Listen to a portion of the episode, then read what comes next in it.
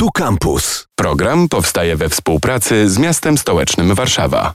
Dzisiaj o mieście w kontekście zmian klimatycznych i o jednym z wielu kroków, który trzeba wykonać, żeby Warszawa stała się miastem neutralnym klimatycznie. Od razu zapowiem, że droga do sukcesu wiedzie prawdopodobnie przez Pragę Południe, o czym dzisiaj porozmawiamy. W studiu Marcin Grącki z Biura Ochrony Powietrza i Polityki Klimatycznej Urzędu Miasta. Dzień dobry. Witam Państwa bardzo serdecznie. Zacznę od informacji, która mnie dzisiaj zmroziła, bo doczytałam, że warszawskie budynki odpowiadają za blisko 80% emisji gazów cieplarnianych. Jak to rozumieć? To prawda i nie tylko warszawskie, ale w ogóle na świecie budynki odpowiadają za najwięcej emisji. E, liczymy to tak, że to jest zarówno emisja, która pochodzi z produkcji energii, prądu i ciepła na potrzeby tych budynków, ale także z zużycia tej energii w samych budynkach. No i łącznie globalnie jest to ponad 80%. Pozostałe emisje to jest transport w okolicy 20% i odpady w naszym przypadku poniżej 1%. Jak to się liczy w kontekście budynków? Myślę o jakichś urządzeniach, pomiarach, prostych danych zużycia prądu i ciepła, które. To znaczy, mamy... mierzymy, mierzymy zużycie energii w budynkach e, w mieście.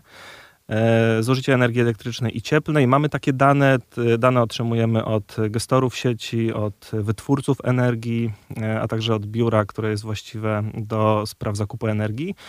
E, a także emisji z, w przypadku Warszawy z dwóch elektrociepłowni, które są na naszym terenie i z dwóch, e, z dwóch ciepłowni, które w razie czego zasilają miasto.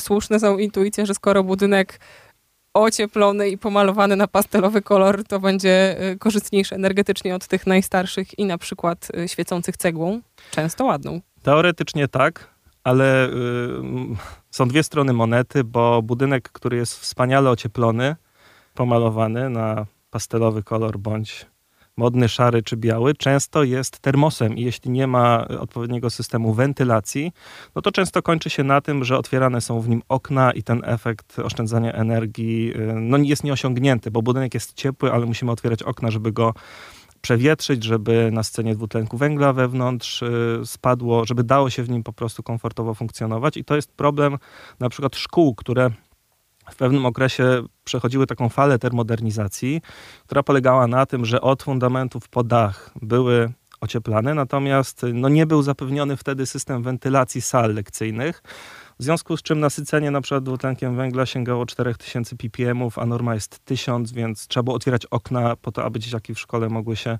komfortowo czuć i cała energia, którą zaoszczędziliśmy przez termodernizację uciekała tymi oknami na przykład w porze zimowej, a jeszcze do środka napływały zanieczyszczenia powietrza z zewnątrz. Czyli moneta ma dwie strony. Trzeba to ocieplać, ale trzeba to robić systemowo, mądrze i w sposób e, no, zaplanowany od początku do końca jeśli chodzi o systemy. Oraz chyba jeszcze w takim razie poprawiać, mając na horyzoncie tę neutralność klimatyczną, tak to jest. co zostało wykonane w przyszłości. Tak jest. Poprawiać również. E, no my mówimy nie tylko o, y, o budowaniu nowych budynków, nawet mało tego, mówi się teraz, że budynków wystarczy globalnie, nie potrzebujemy nowych, trzeba dostosować te, które już istnieją. No i to jest to wyzwanie, z którym między innymi my jako miasto, ale też prywatni właściciele będziemy się w najbliższym czasie mierzyć. No bo tak jak pani powiedziała, budynki odpowiadają za większość emisji globalnie. Będziemy rozmawiali o projekcie, e, który ja w skrócie, nie wiem czy poprawnie, ale nazywam projektem NEST, od bardzo długiej anglojęzycznej nazwy. E, projekt analityczny, badawczy, czy jednak również praktyczny? I taki, i taki.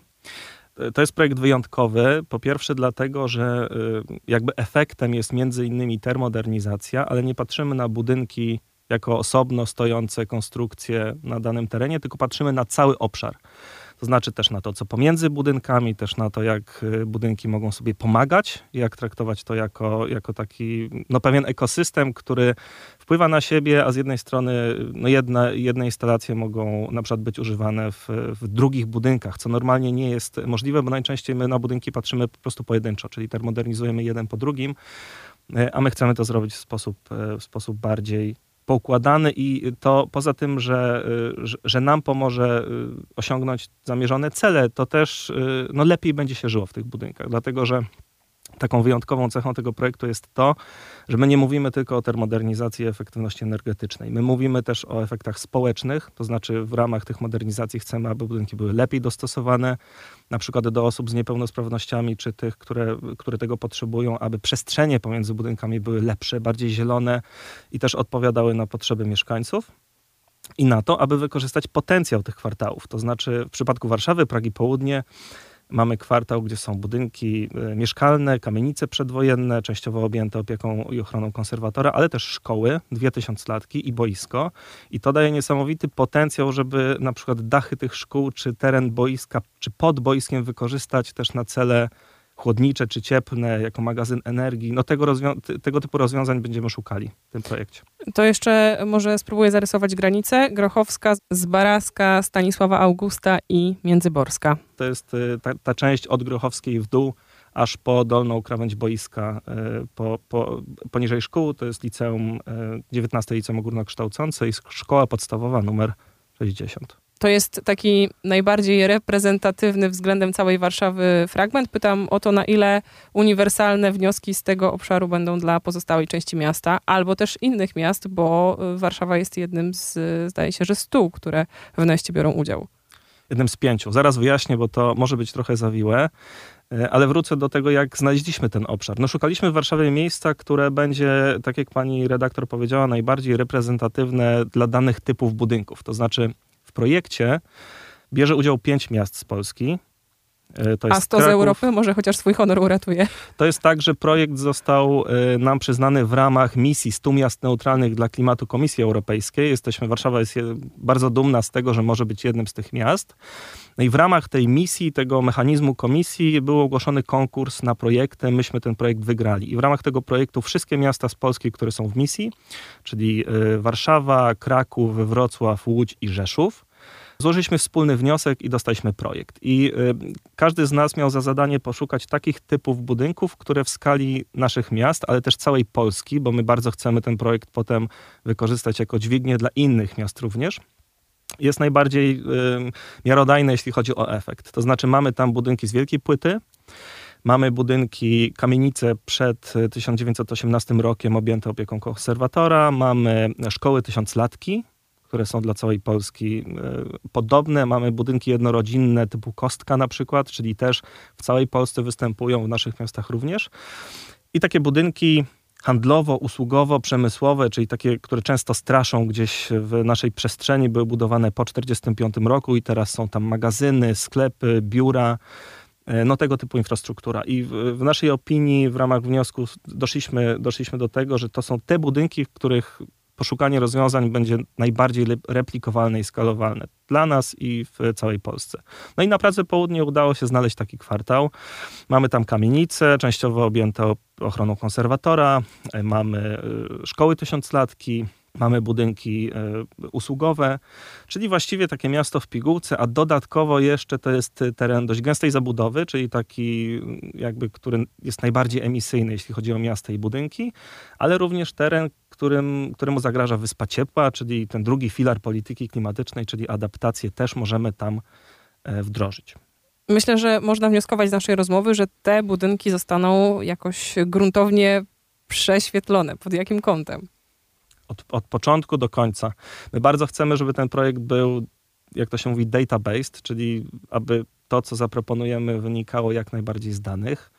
Zaczęliśmy od tego, że budynki e, w naszym projekcie zostały przeskanowane takim urządzeniem, które wygląda trochę jak jak taki wózek lotniskowy, z którego serwuje się drinki. W naszym przypadku to był scanning 3D, który, który wykonawca zrobił dla naszych budynków i to pozwoliło na stworzenie wirtualnych bliźniaków, czyli mamy nasze budynki w wirtualnym świecie. Dokładnie te, dokładnie o takiej kubaturze, o, takich, o takiej specyfice, jakiej w rzeczywistości, tylko mamy ten komfort, że w tym wirtualnym świecie możemy nad nimi, nad nimi dowolnie pracować, sprawdzać różne rzeczy, różne rozwiązania, testować. No i to na końcu y, jakby chcemy osiągnąć takie optimum, czyli dobrze wyważyć koszt versus korzyści y, po to, aby dla tych budynków uzyskać najlepszy efekt. Poza skaningiem my oczywiście jesteśmy w kontakcie z zarządcami tych budynków i zbieramy dane. Dane o grubości ścian, o roku budowy, o zużyciu energii. Tak naprawdę wszystkie te rzeczy, które nam pozwolą dobrze to przeanalizować i potem zaproponować odpowiednie rozwiązania, zarówno technologiczne, ale też, yy, też organizacyjne, legislacyjne, bo chcemy też, aby wnioski z tego projektu poszły na poziom ministerialny czy funduszowy. Yy, chcielibyśmy, żeby komisja też wzięła to pod uwagę. Zakładamy, że Komisja Europejska, zakładamy, że po to to jest. No i chcielibyśmy jakby wszystkie potrzeby zaspokoić, czyli z jednej strony technologiczne kwestie i to, aby te rozwiązania były innowacyjne i najwyższej jakości, ale też sposób finansowania rozwiązań, też to, jak, jak uwarunkowania prawne czy formalno-prawne powinny się zmienić po to, aby miasto umożliwić transformację. No taki kompleksowy pakiet, y, piguła rekomendacji technologicznych, legislacyjnych, organizacyjnych, to jest nasz cel. Chciałam podkreślić słowo rekomendacji, bo być może słuchają nas zatrwożeni mieszkańcy ulicy Zbaraskiej, którzy już y, myślą o tym, jak wielkie zmiany i na przykład remonty zajdą w ich okolicy nic y, o mieszkańcach bez mieszkańców. To znaczy, nasz projekt jest też bardzo, chcemy, aby był bardzo społeczny i bardzo transparentny i bardzo włączający tych mieszkańców. To znaczy mamy też y, podwykonawcę, który, którym jest organizacja pozarządowa, y, która będzie odpowiadała za to, aby mieszkańcy byli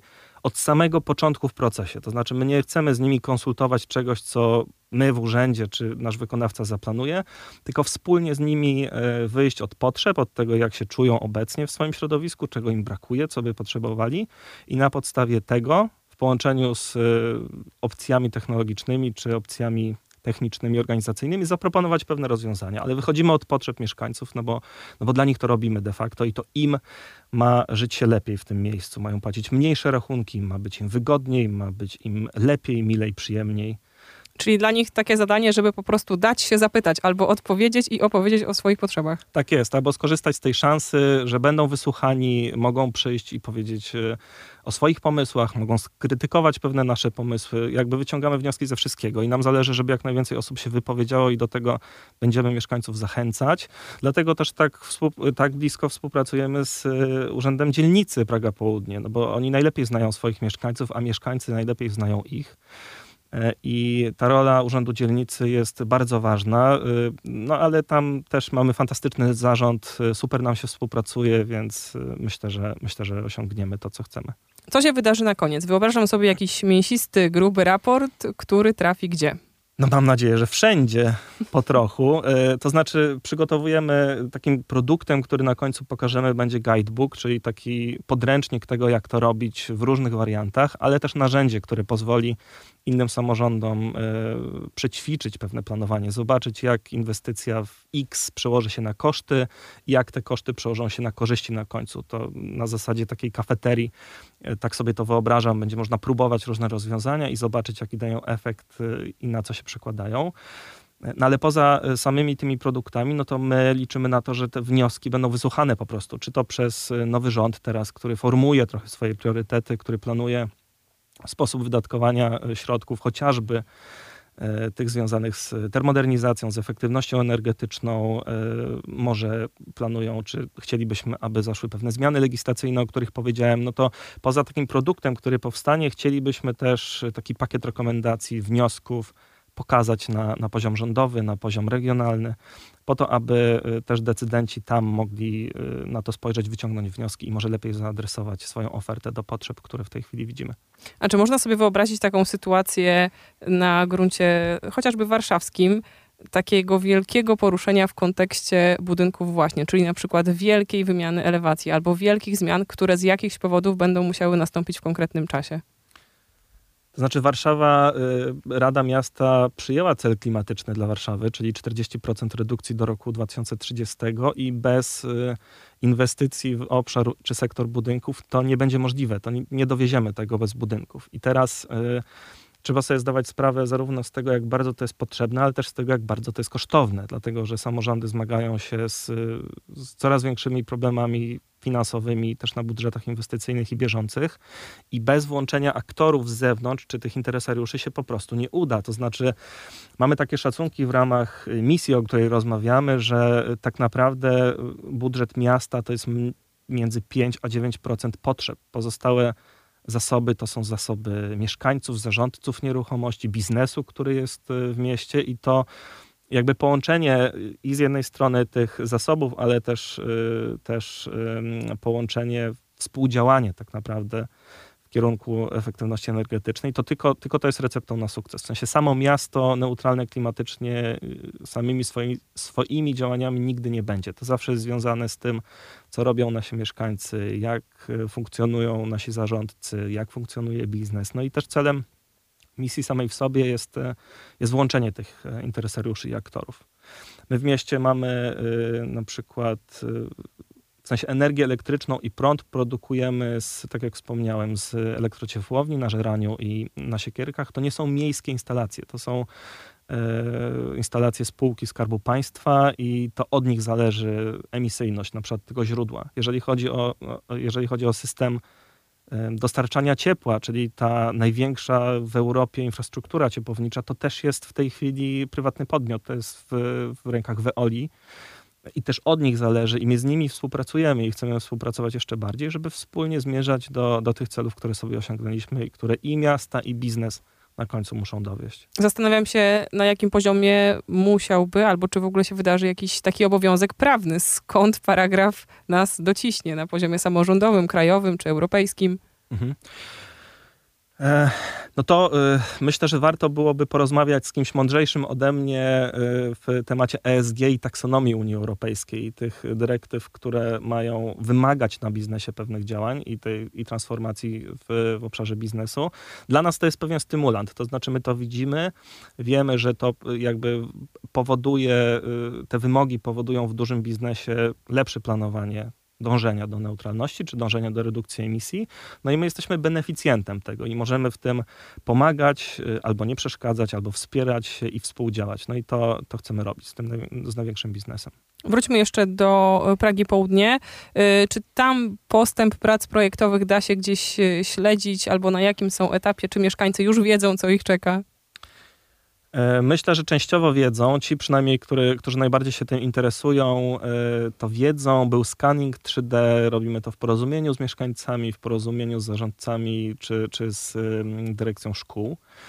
E, będziemy teraz w najbliższym czasie, z tego co pamiętam, na marzec są zaplanowane te ankiety społeczne, to znaczy będziemy po prostu rozmawiać z mieszkańcami i pytać ich o te rzeczy, o których powiedziałem, czyli czego potrzebują, jak siebie widzą obecnie, czego im brakuje, co by chcieli zobaczyć. I to będzie ten moment takiego naj, naj, najbliższego i, i, pierwszego kontaktu tak naprawdę z nami. Natomiast zespół projektowy, no tak jak mówiłem, na każdym etapie będzie się starał z tymi mieszkańcami rozmawiać, no bo robimy to dla nich. Gdyby odesłać y, wyżej po informacji o projekcie, gdzie szukać tych danych? E, strona Urzędu Miasta, EcoWem. E, tam e, proszę szukać informacji najłatwiej po haśle NEST. No i myślę, że nasze biuro jest też e, takim najlepszym adresatem. Biuro Ochrony Powietrza i Polityki Klimatycznej pytań o projekt NEST. Z którego e, odwiedził nas dzisiaj Marcin Grącki. Dziękuję. Dziękuję Państwu. Program powstaje we współpracy z miastem stołecznym Warszawa. Radio Campus. Same sztosy.